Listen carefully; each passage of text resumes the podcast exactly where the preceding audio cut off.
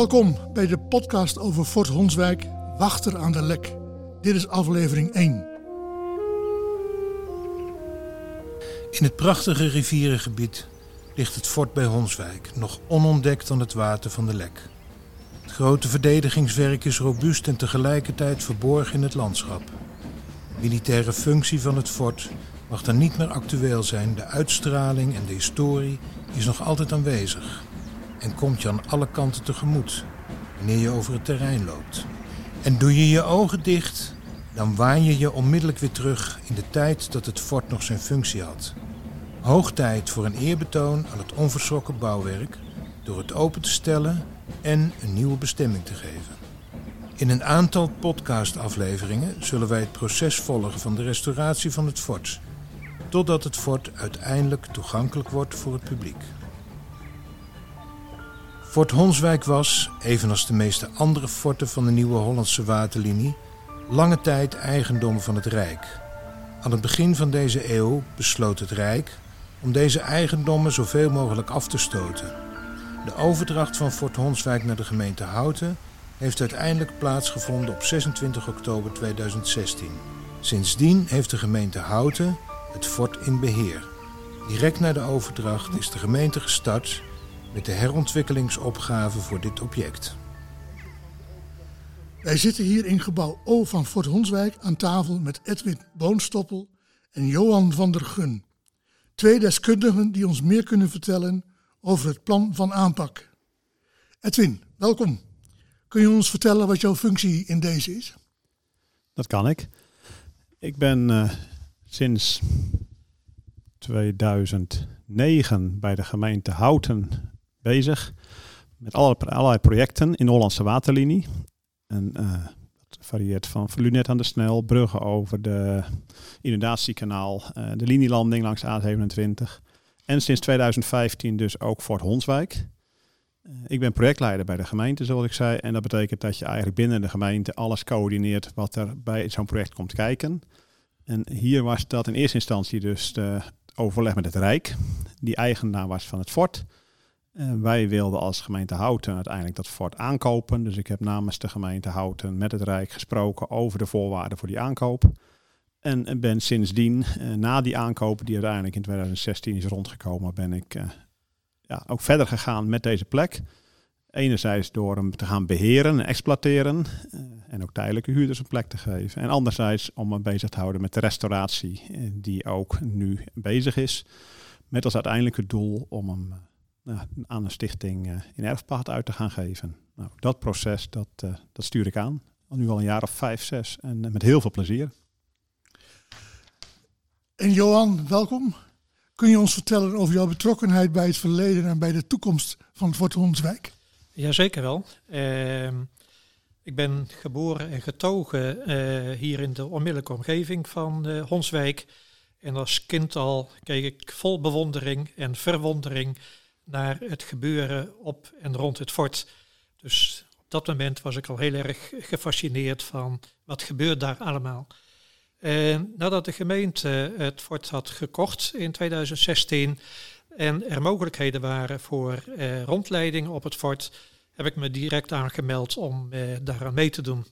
Ik had inmiddels een enorme studie gemaakt, heel veel achtergrondinformatie verzameld over de historie van het fort, vanuit de ontstaansgeschiedenis, de veranderingen erbij. Dus ik heb een boekenkast vol met, uh, met oud materiaal. Dus ik wilde graag ook uh, met publiek uh, mijn kennis delen over de historie van het fort.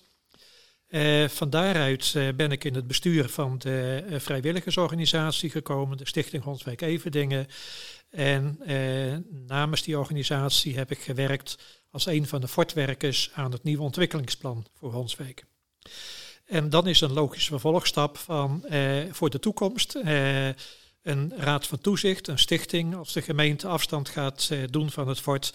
Eh, daar heb ik me aangemeld om eh, namens eh, de inwoners van het eiland van Schalkwijk, maar op basis van mijn historische kennis, om dan in de raad van toezicht te gaan zitten.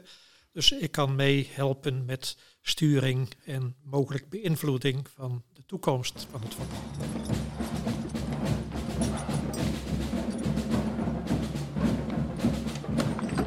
Het complex dateert in de eerste aanleg uit het midden van de 19e eeuw en kwam tot stand in de jaren 1841 tot 1848. Het had onder meer een functie als verdediging van het lekasses en van een grote en kleinere inundatiesluis voor lekwater. Waarom is het fort hier op deze plek gebouwd?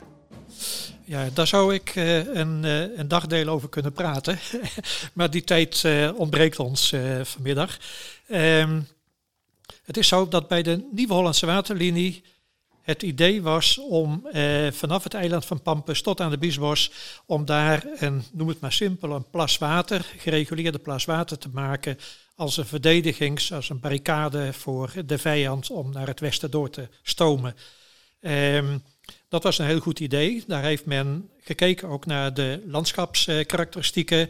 Voldoende laag, voldoende mogelijkheid om te inunderen en dergelijke. Want het was de bedoeling dat het water in die, uh, in die plas uh, niet te hoog zou komen. Men had ingezet op een 50 centimeter diepte, zodat het niet uh, te bevaren was, maar heel moeilijk als doorgang voor militairen met hun kanonnen, met hun geschut. Um, dat is de achtergrond van waarom in deze omgeving. Uh, dat is één. Daarnaast kun je kijken van hoe zit dat dan met het gebied. Uh, je kan niet alles zomaar onder water zetten. Uh, er zijn voldoende zwakke plekken. We noemen dat de assessen van het, van het gebied. En de Lek was een prachtige kanaal, zeg maar rivier, waar de vijand makkelijk zou kunnen opstomen naar het westen. En eh, er is verordend dat op die zwakke plekken dat daar vestingswerken zouden worden gemaakt.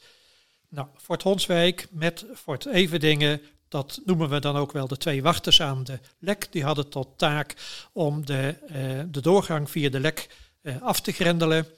En uh, een doorgang via de hoge gronden voor en naast de lekdijk. En een andere functie belangrijk was om de inlaatsluis met al die afzonderlijke plassen die men wilde maken in oorlogsdreiging, moesten van water voorzien worden. En dat gebeurde in, in dit gebied via een inlaatsluis bij Honswijk. Als laatste daarbij, de uh, positie van Fort Everdingen, die lag min of meer vast vanwege een kruising Diefdijk-Lekdijk. Die positie was bepaald. En Fort Honswijk mocht daar niet te ver van af liggen, omdat die twee forten in gemeenschappelijkheid de lek zouden moeten verdedigen. Er zijn wel vijf of zes ontwerpen gemaakt met iets andere posities van de ligging van het fort. Alle met een voor- en nadelen, maar daar kom ik straks misschien nog wel op. Uiteindelijk is dus gekozen om deze positie midden in uh, het, uh, het, uh, het gehuchtje Honswijk. Er moesten wat woningen gesloopt worden. Dat nam men op de koop toe om daar het fort uiteindelijk te maken.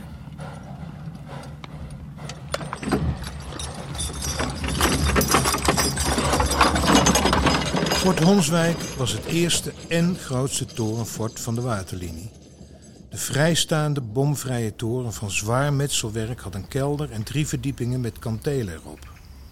Het fort had een gracht en een ophaalbrug. Fort Honswijk is genoemd naar het nabijgelegen gelijknamige buurtje, maar het was aanvankelijk bekend als Fort Willem II. Was het fort afdoende om de vijand tegen te houden?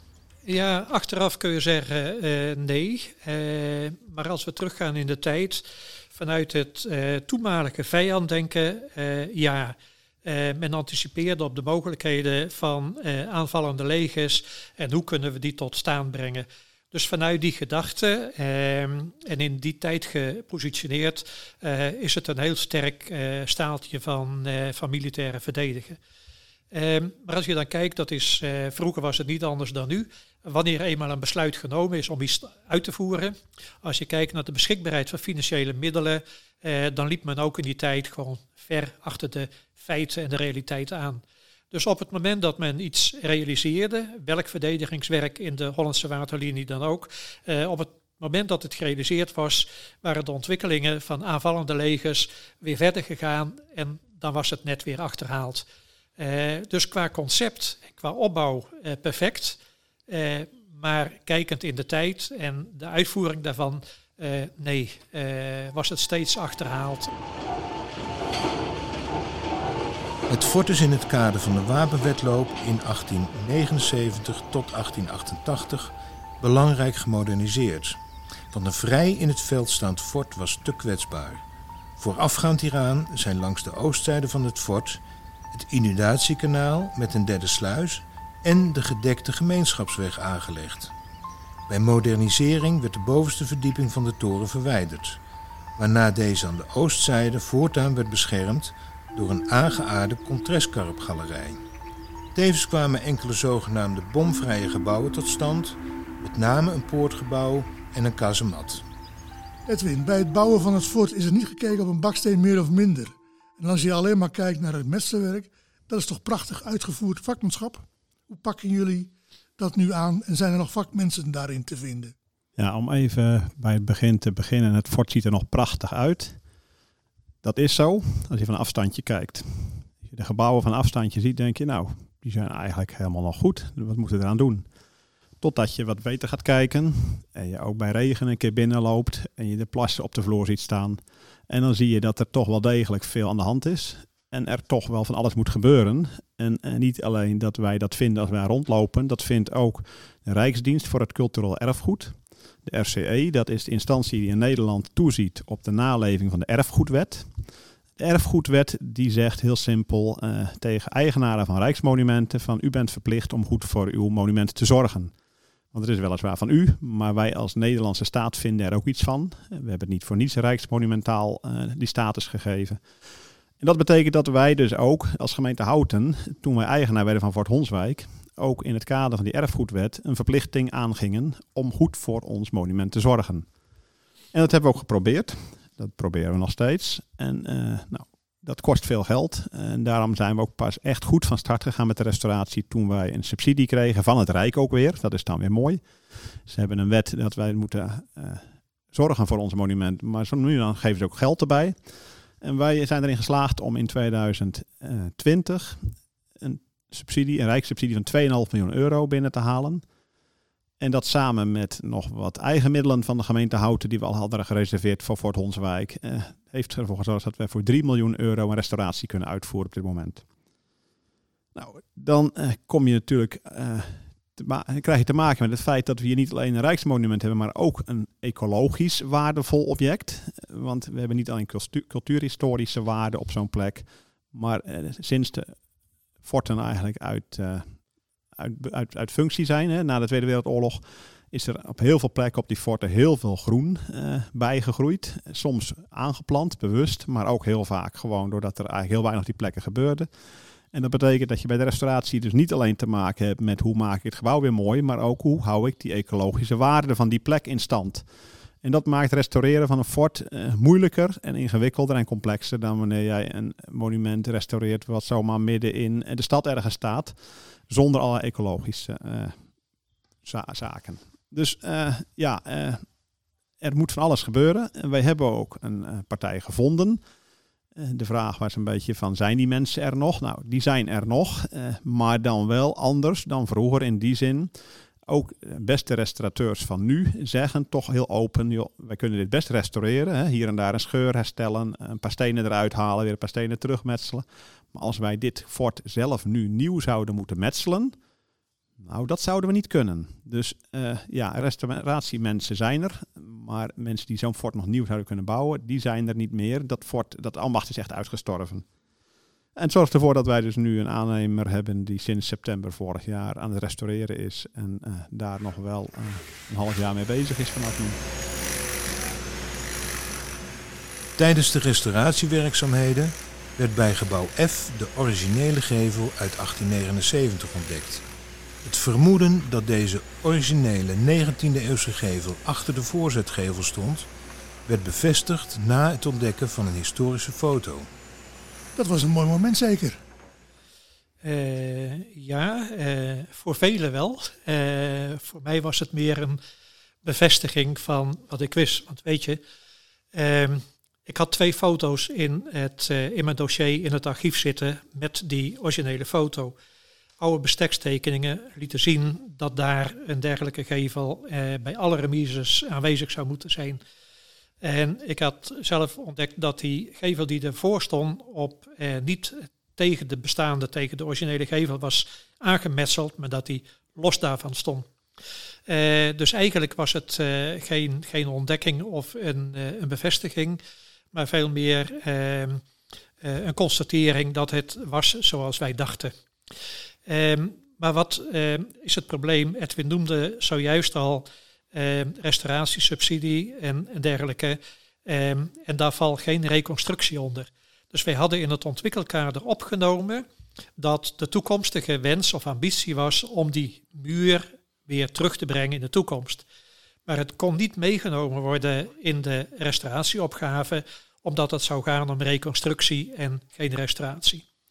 Met het verspreiden van, van de foto, eh, met het nog een keer benadrukken, is er eh, gesprek ontstaan, is er wat discussie geweest van zouden we toch niet. En met alle respect aan Edwin als projectleider en andere mensen die hebben dat heel goed opgepakt. En uiteindelijk is besloten om niet over te gaan tot restauratie van die bestaande halfsteens baksteenmuur. Maar om te zeggen van nee, we trekken die muur weg en we gaan kijken wat we kunnen doen aan reconstrueren. De RCA, de Rijksdienst voor Cultuurhistorisch Erfgoed, eh, was er ook van overtuigd uiteindelijk eh, op aangeven van Edwin dat dat zeker de moeite waard was. Dus ja, het was voor mij een, eh, een wauw momentje. Eh, meer nog toen het besluit viel van wij kunnen hem gaan reconstrueren dan eh, eh, het moment van ontdekken van, van de foto, want dat wisten we eigenlijk al.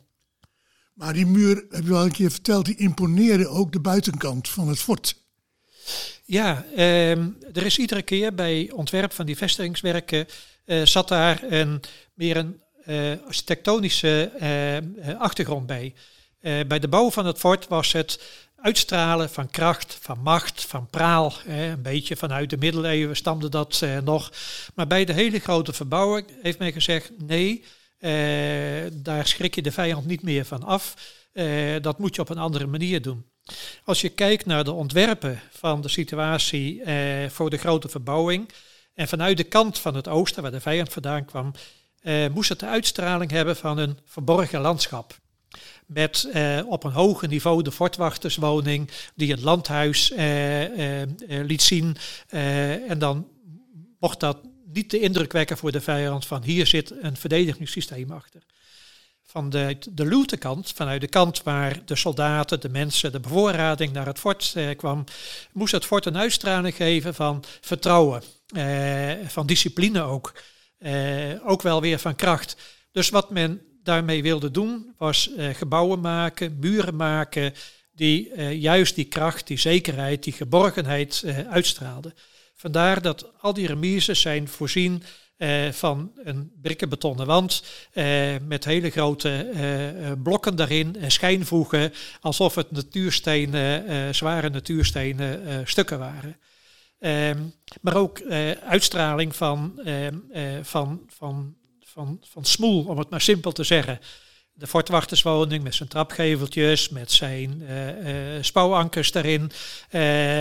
het mooi maken en daar komen we straks misschien op als we het hebben over het poortgebouw, eh, zijn daar absolute voorbeelden van. Dus aan de ene kant verborgen landschap voor de vijand, van de andere kant, u bent hier, uh, u kunt hier met vertrouwen naar binnen, uh, want wij zijn krachtig en wij kunnen krachtig optreden. Mooi die invloed van Johan Edwin, maar daar moeten jullie toch heel blij mee zijn en het fort uiteindelijk ook, denk ik. Dat klopt. Johan en ik kennen elkaar nu denk ik vanaf 2016, nou, misschien 2017. Al vrij snel nadat wij het fort kochten hebben wij elkaar voor de eerste keer ontmoet.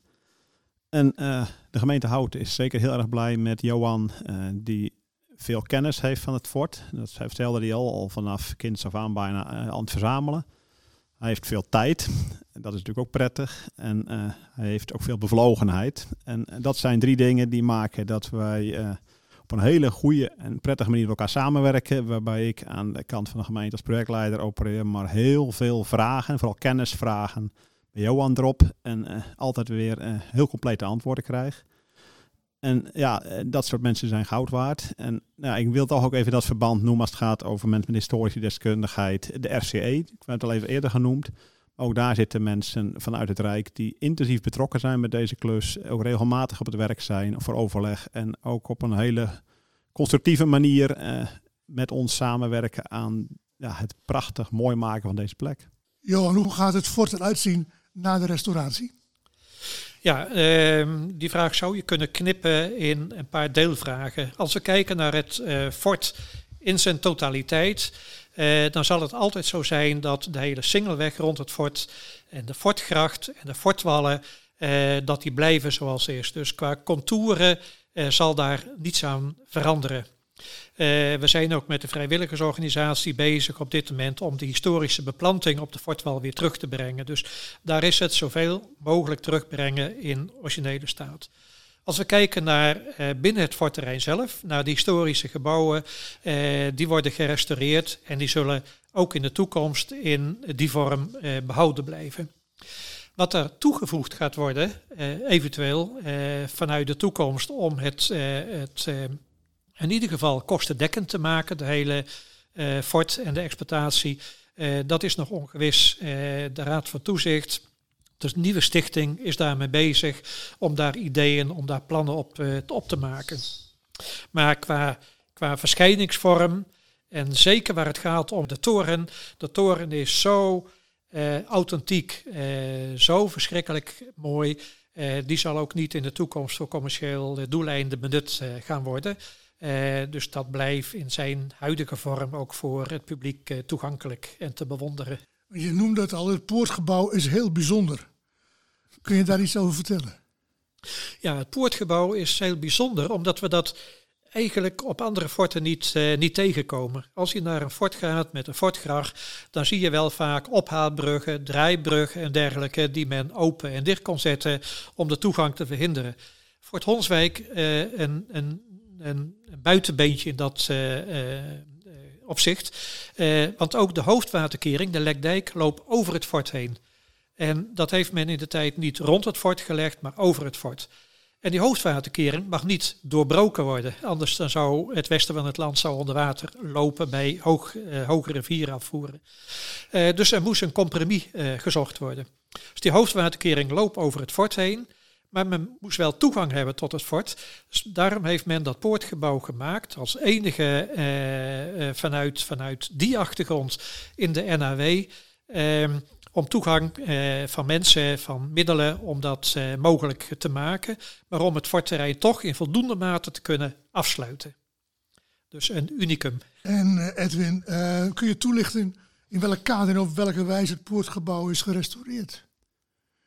In 2017 kregen wij als gemeente Houten van de provincie Utrecht een subsidie ook in het kader van de aankoop van Honswijk. Eh, ook de provincie is nog niet genoemd vandaag, maar uh, is ook een belangrijke uh, stimulator en ook uh, supporter voor de restauratie van Honswijk en de herontwikkeling. Dus de provincie die heeft ons ook vanaf het begin van de aankoop, kort na de aankoop, al subsidies verleend voor een heel aantal zaken hier op het fort. En een daarvan betrof inderdaad de restauratie van het poortgebouw van Honswijk.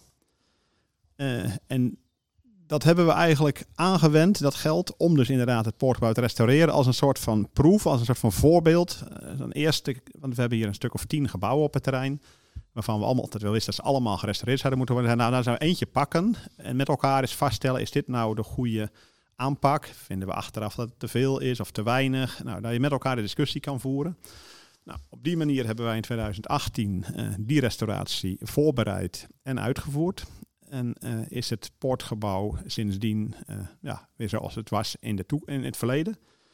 En een restauratie is in principe geslaagd als je achteraf niet ziet wat er gedaan is. Dat klinkt misschien een beetje gek en het is ook soms gewoon niet leuk. Want ook nu hebben we ondertussen een stuk of vijf, zes gebouwen klaar op Honsewijk. En als ik dan met mensen rondloop uh, die uh, in die gebouwen komen of bij die gebouwen staan te kijken, dan moet ik heel veel woorden gebruiken om uit te leggen wat wij gerestaureerd hebben.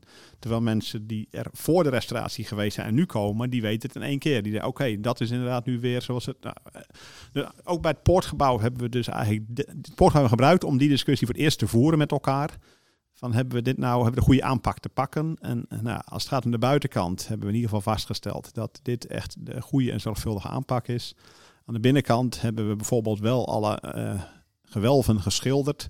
En blijkt dat achteraf uh, toch nog wel een ingewikkeld ding met vocht in een fort en met zout uitbloei uit de wanden. Dus daar hebben we van gezegd dat moeten we bij de volgende gebouwen maar wat terughoudender aanpakken. Nou, dat was precies wat we ook wilden bereiken met die, die proefrestauratie, zou je kunnen zeggen. Dus ja, eh, zo hebben we het poortgebouw nu weer zoals het is. En wij hopen natuurlijk in de toekomst dat we het poortgebouw ook weer als poort kunnen gebruiken voor uh, aankomst bij Honswijk. het zal nooit volledig kunnen, omdat het poortgebouw geen vrachtwagen bijvoorbeeld doorheen kan rijden. Alleen maar vroeger de paard en wagen en nog wat meer van dat soort vervoermiddelen. Maar wij hopen wel dat we hem weer een duidelijke functie kunnen geven in de toekomst als toegang tot het fort.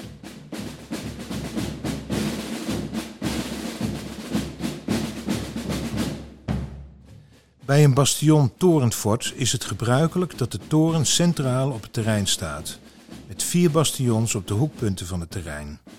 Twee bastions aan de binnen- en twee aan de buitenzijde van een weg, spoorweg of dijk. Wie naar Fort Honswijk kijkt, ziet iets totaal anders. Natuurlijk vormt de toren wel het centrale punt, maar zeker niet het middelpunt van het terrein. De toren is helemaal in het zuidoosten gesitueerd, op de plaats waar normaliter een bastion staat geprojecteerd. De vorm van Fort Honswijk is, kun je ook zeggen, is een van de eh, kernkwaliteiten van het fort. En het is uh, volledig juist dat die uh, toren helemaal naar buiten is, is geplaatst. waar men mee zat als afweging bij het ontwerp was de belangrijkste toegangsroute zou het water zijn, zou de lek zijn. En wij moeten de, de lek in voldoende mate kunnen afschermen. En dan was de toren was het punt van waaruit de verdediging werd georganiseerd. Daarop stonden kanonnen en ook in de ruimtes eromheen. En als je kijkt naar het hele bochtige karakter van uh, de lek en dan daarnaast de, lek, uh, de lekdijken ook aan beide kanten, was het zoeken naar zo groot mogelijke strijklengte. Hoe kan ik het verst over de lek kijken? Hoe kan ik zo vroeg mogelijk vijandelijke vaartuigen uh, opvangen? En dat maakte dat men zegt, we schuiven de toren zo ver mogelijk in de richting van, van de rivier. Nadeel daarvan was dat de bochtige uh, lekdijk aan de binnenkant, dat die niet verdedigd kon worden vanuit die toren. Dus bij het eerste ontwerp was al uh, bekend van we hebben een tweede fort, een soort schaduwfort nodig om juist die hoge gronden aan de binnenkant van de lekdijk om die te kunnen verdedigen. Dus dat was eigenlijk een concessie die men moest doen om die toren zo ver mogelijk naar buiten te positioneren. Nou, dat is militair strategisch natuurlijk heel, heel leuk, maar civiel technisch eh, en, en waterbouwkundig is dat een, een hele opgave. De rivier was 180 jaar geleden eh, nog een, een regenrivier, eh, eb- en. Eh, de winters waren strenger. Je had te maken met veel meer stromingen. Je had te maken met ijsgang in de winter op de rivier. En als je nu zo'n toren zo ver in de rivier zet, dan had je de mogelijkheid of het risico van onderloopsheid eh, van funderingen, uitschuren van de grondwallen.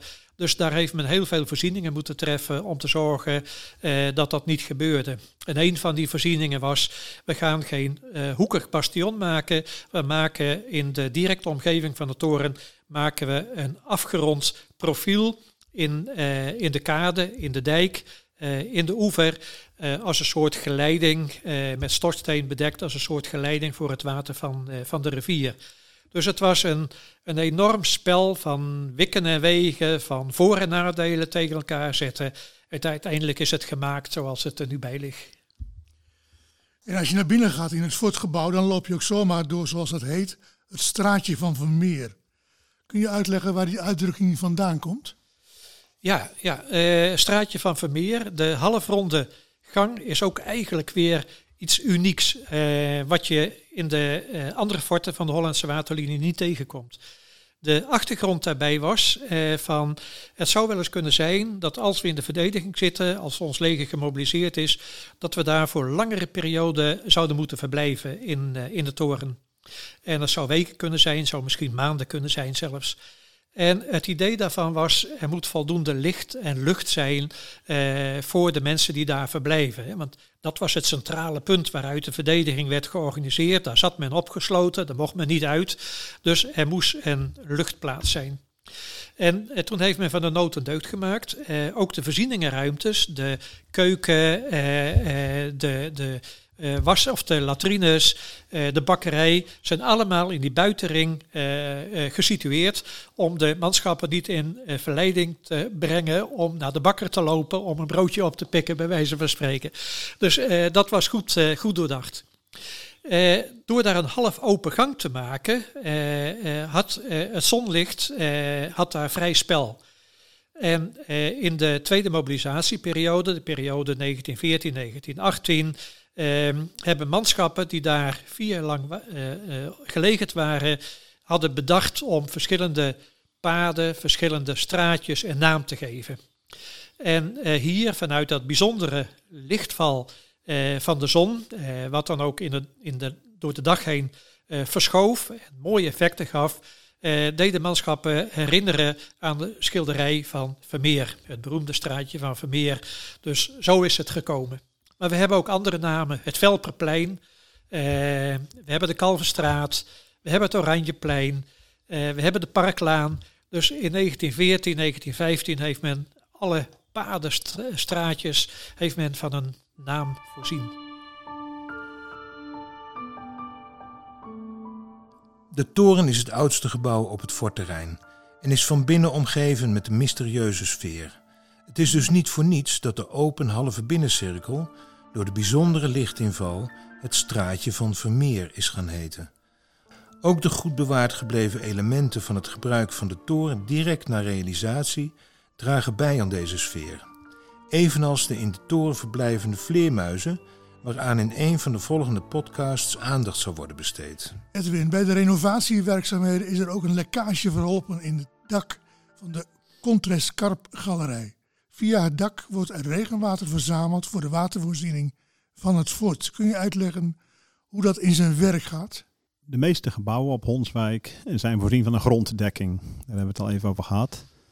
Uh, bijna alle gebouwen uit die tijd van 1870 zo'n beetje, zeg maar, toen eigenlijk het grootste deel van de gebouwen gebouwd is, had een meter of twee, drie eh, gronddekking bovenop het gebouw. Op het moment dat het regent buiten, en dat doet het in Nederland nogal eens, of sneeuwt of hagelt, als een neerslag valt, dan valt dat dus ook op die gebouwen. En uh, nou, als het niet al te hard regent, dan loopt dat niet van de grond af, maar zakt het in de grond. Het infiltreert of het percoleert, net hoe je het noemen wil, dat, dat loopt in de grond. En bij de bouw van het fort hadden ze dat ook allemaal al bedacht. Want ja, waterleiding was op die plekken überhaupt eh, niet in beeld. Dus, en ze wisten natuurlijk dat ze water nodig hadden op het fort. Dus ze hadden daar een heel systeem voor bedacht van oké, er valt regen boven op die grondgedekte gebouwen. Dat zakt erin. De opbouw van het materiaal op die gebouwen was ook van een soort filterzand. vrij grof zand wat goed water filtert. Waardoor dat regenwater, wat natuurlijk al vrij schoon is als het valt, eh, in dat hele pakket op het gebouw nog verder gezuiverd werd.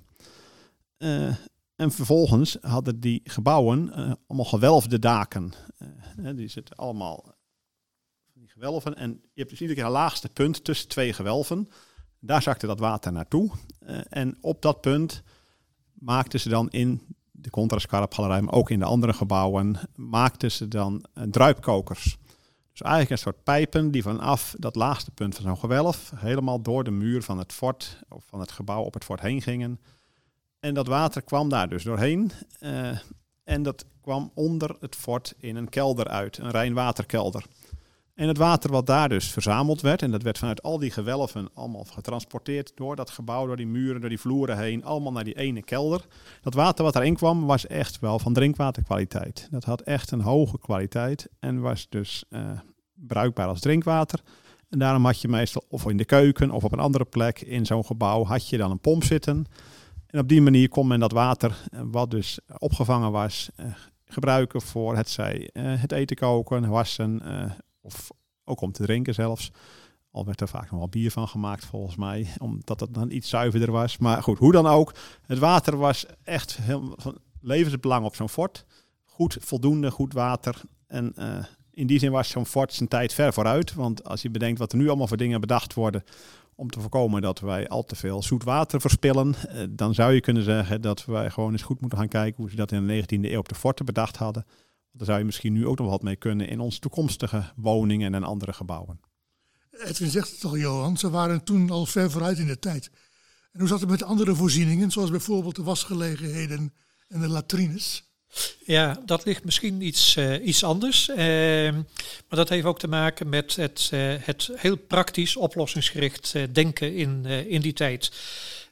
uitgangspunt was, dat moet ik wel zeggen, dat, en dat sluit aan bij wat Edwin vertelde, dat men ervan uitging dat het fort voldoende zelfvoorzienend moest zijn over een bepaalde tijdsperiode. Als men ingesloten zou zitten, men kon niet weg, dan moesten alle voorzieningen hier aanwezig zijn. Een bij minder dreiging had men het achterland eh, van waaruit materialen en spullen en etenswaren zou kunnen worden aangevoerd. Ten aanzien van de eh, wasgelegenheden eh, was een heel praktische oplossing. En dat is heel specifiek voor Honswijk. Het is het enige fort waar geen wasgelegenheid is gecreëerd. Uitgangspunt was, we hebben water voldoende in de directe omgeving. Het zij de Fortgracht, het zij de Lek. En manschappen die konden in de directe omgeving, eh, waar nodig, kon men zich eh, wassen. Bij de, en dat was ook de periode van de eerste mobilisatie in 1870. Bij de tweede mobilisatie, en dat is dan wel weer leuk, eh, ontwikkelingen in de tijd gaan door. Toen zeiden we ja, dat is niet meer eh, van deze tijd. Toen werden de manschappen werden vervoerd op gezette tijden naar het dorp Schalkwijk. Eh, daar had men in eh, het eh, dorpshotel, café, een paardenstal. En daar werden waswagens neergezet. En dan kon men, één keer in de zoveel tijd, kon men, konden militairen zich daar wassen. Net voor de Tweede Wereldoorlog. Uh, deed men het nog weer anders. Dan kwamen de wasvoorzieningen kwamen op het fort. Dus men kwam twee keer in de week met een grote waswagen naar Honswijk. En dan konden de militairen zich op het fort wassen. Wat betreft de latrines ook heel eh, praktisch. En dan komt weer de opengang om de hoek kijken. Uh, men had uh, strikt gescheiden natuurlijk. Hè. De manschappenlatrines en de latrines voor, voor de legerleiding. die waren ook wat luxer qua wc-bril en, en dergelijke. De, het zijn de simpele dingen. Ehm, maar die kwamen uit in een grote put in die half open gang. En men maakte aanvankelijk afspraken met uh, boeren in de omgeving dat die voor niets die putten konden leegscheppen en de mest mochten gebruiken om te verspreiden over het land. Uh, dus men kwam met paard en wagen op gezette tijden, uh, kwam men die half open gang inrijden en men schepte de, de, de putten leeg en de boeren blij en de legerleiding, de commandant ook blij, want hij was weer verlost van een hoop ellende. Het fort is representatief, omdat het nog steeds de fysieke onderdelen en vele omgevingskenmerken vertoont die destijds tot de bouw en aanpassing aanleiding waren. Het complex is gaaf bewaard omdat qua structuur en fysiek voorkomen de hoofdzaken van de toestand in de jaren 70 van de 19e eeuw nauwelijks zijn gewijzigd. De restauratie die we momenteel uitvoeren, en die nog doorloopt zeker tot het eind van het jaar, die is helemaal gericht op de buitenkant, de schillen van de gebouwen, zoals we dat noemen. De bouwkundige schil. Dus dan hebben we het over het metselwerk. We hebben het over de ramen, deuren, kozijnen, luiken, eh, de daken. Eh, dus de schillen van de gebouwen zijn aan het eind van deze restauratie weer puntgaaf. Dat wil niet zeggen dat we ook alle interieurs helemaal restaureren. Dat is iets wat buiten eh, de huidige restauratieopgave valt.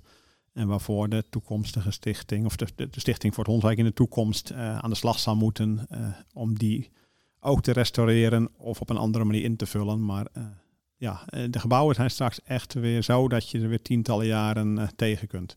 Bij gebouw H, daar heb je iets over die ronde bogen in de muur. Ja, eigenlijk eh, ik kan Edwin er misschien straks nog meer over vertellen, maar eh, het is, als je kijkt naar de manier waarop het gerestaureerd wordt, is dat, is dat subliem. Ik word er bijna lyrisch van, eh, zou ik zeggen. Eh, probeer maar eens met metselstenen een mooie, strakke boog te maken. dat, dat kan bijna niet en tegenwoordig gebeurt dat ook niet. Dan zie je de voegen van het metselwerk zie je naar boven toe breed uitlopen. Uh, hier heeft men, en dat is uh, uh, denken vanuit de historie, heeft men alle stenen min of meer op maat gemaakt. Zodanig dat de voegen in die boogconstructie allemaal even breed waren. schitterend uitgevoerd, zeer arbeidsintensief, maar het is prachtig om, om te zien. En met name bij gebouw H, net al genoemd, is, komt dat echt volledig tot zijn recht. Dat, maar je moet de bezoeker er wel op wijzen. Anders loopt men er zo voorbij en zegt, oh ja, Maar het waarderen, dat, dat komt pas op het moment dat je er ook heel specifiek aandacht voor vraagt. De aannemer die nu bezig is met de restauratie, die heeft getoond ehm, vanuit het verleden dit aan te kunnen. Ehm, en nogmaals, wat ik ervan zie, uh, is, uh, is perfect. Maar Edwin kan aangeven hoe uh, uiteindelijk in de aanbesteding de gunning tot stand is gekomen. Maar dat is niet alleen prijs, dat is ook kwaliteit. Edwin. Dat klopt. Wij hebben dus vorig jaar een aanbesteding gehouden waarbij vijf aannemers zijn uitgenodigd om zich te kwalificeren voor dit werk. De restauratie van Fort Honswijk en wij hadden daar een aantal criteria geformuleerd uh, aan de voorkant. Naast prijs, want dat blijft uiteraard altijd ook een rol spelen, was dat uh, een aantal kwaliteitseisen. Hè, kan een aannemer dit aan? Kan hij dat aantonen op basis van referenties die hij heeft uitgevoerd? Uh, we hebben hem gevraagd om een goede planning en een fasering van het werk te maken.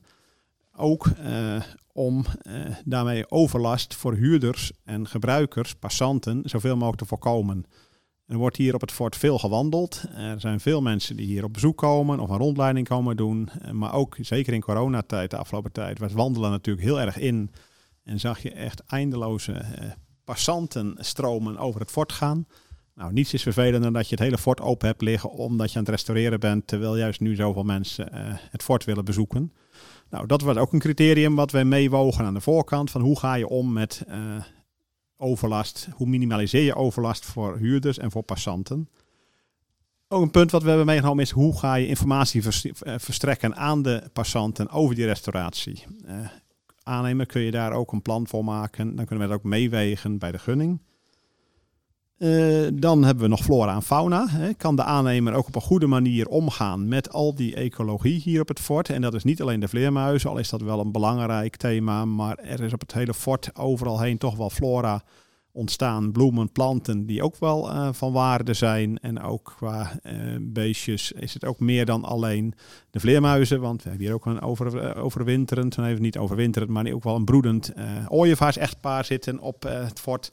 Nou, daar moet je ook rekening mee houden. Op al dat soort aspecten, duurzaamheid als laatste. Hoe ga je circulair en duurzaam om met het werk wat je moet uitvoeren? Al die aspecten hebben we meegewogen. En uiteindelijk het werk gegund aan aannemersbedrijf Van de Ven uit Brakel. En dat is een aannemer die ook al het poortgebouw een aantal jaren geleden dus heeft gerestaureerd. En dat is ook de aannemer die ook voor ons Lunet aan de Snel uh, een jaar of wat geleden helemaal heeft gerestaureerd. Dus we hadden ook al ervaring zelf met deze partij. En ook hier bij deze restauratie uh, laat hij weer zien wat hij kan. Fort Honswijk. Samen met Lunet aan de Snel, werk aan de Korte Uitweg, de gedekte gemeenschapsweg het inundatiekanaal, werk aan de Groeneweg en het fort bij Everdingen vormt het een uniek ensemble met een vrijwel gave relatie tot het Schootsveld. De cultuurhistorische waardering heeft geleid tot aanwijzingen van het fortcomplex tot Rijksmonument. Het werk aan de Waalse Wetering hoort toch ook bij dit bonte gezelschap? Ja, zeker wel. Um, eigenlijk om het uh, simpel te zeggen, zou je in de, binnen de uh, eh, NRW, de uh, Hollandse Waterlinie, dan zou je al die forten moeten zien als een ketting in een schakel. En elk fort is een, is een afzonderlijke schakel in die keten. en die moeten met elkaar samenwerken. Die moeten zorgen dat het voldoende sterk en voldoende sterke verdedigingslijn geeft. Uh, als we dan inzoomen op het eiland van Schalkwijk, dan is het inderdaad zo, ik noemde het al eerder, uh, Lunet aan de Snel. Die was gewoon absoluut noodzakelijk om de binnenkant van de Lekdijk voldoende te kunnen afdekken, te kunnen verdedigen. Het werk aan de korte uitweg is in een latere periode gerealiseerd en dat weer had te maken met de aanleg in 1872 van het inundatiekanaal.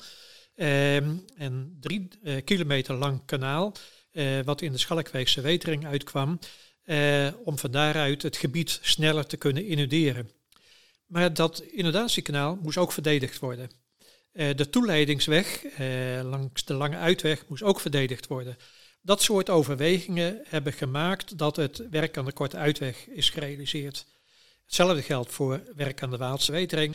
Uh, in dat gebied loopt de Vuilkoopse stroomrug, voor mensen die wat meer bekend zijn in het gebied, een hoger gelegen zandoeverwal die niet geïnundeerd kon worden.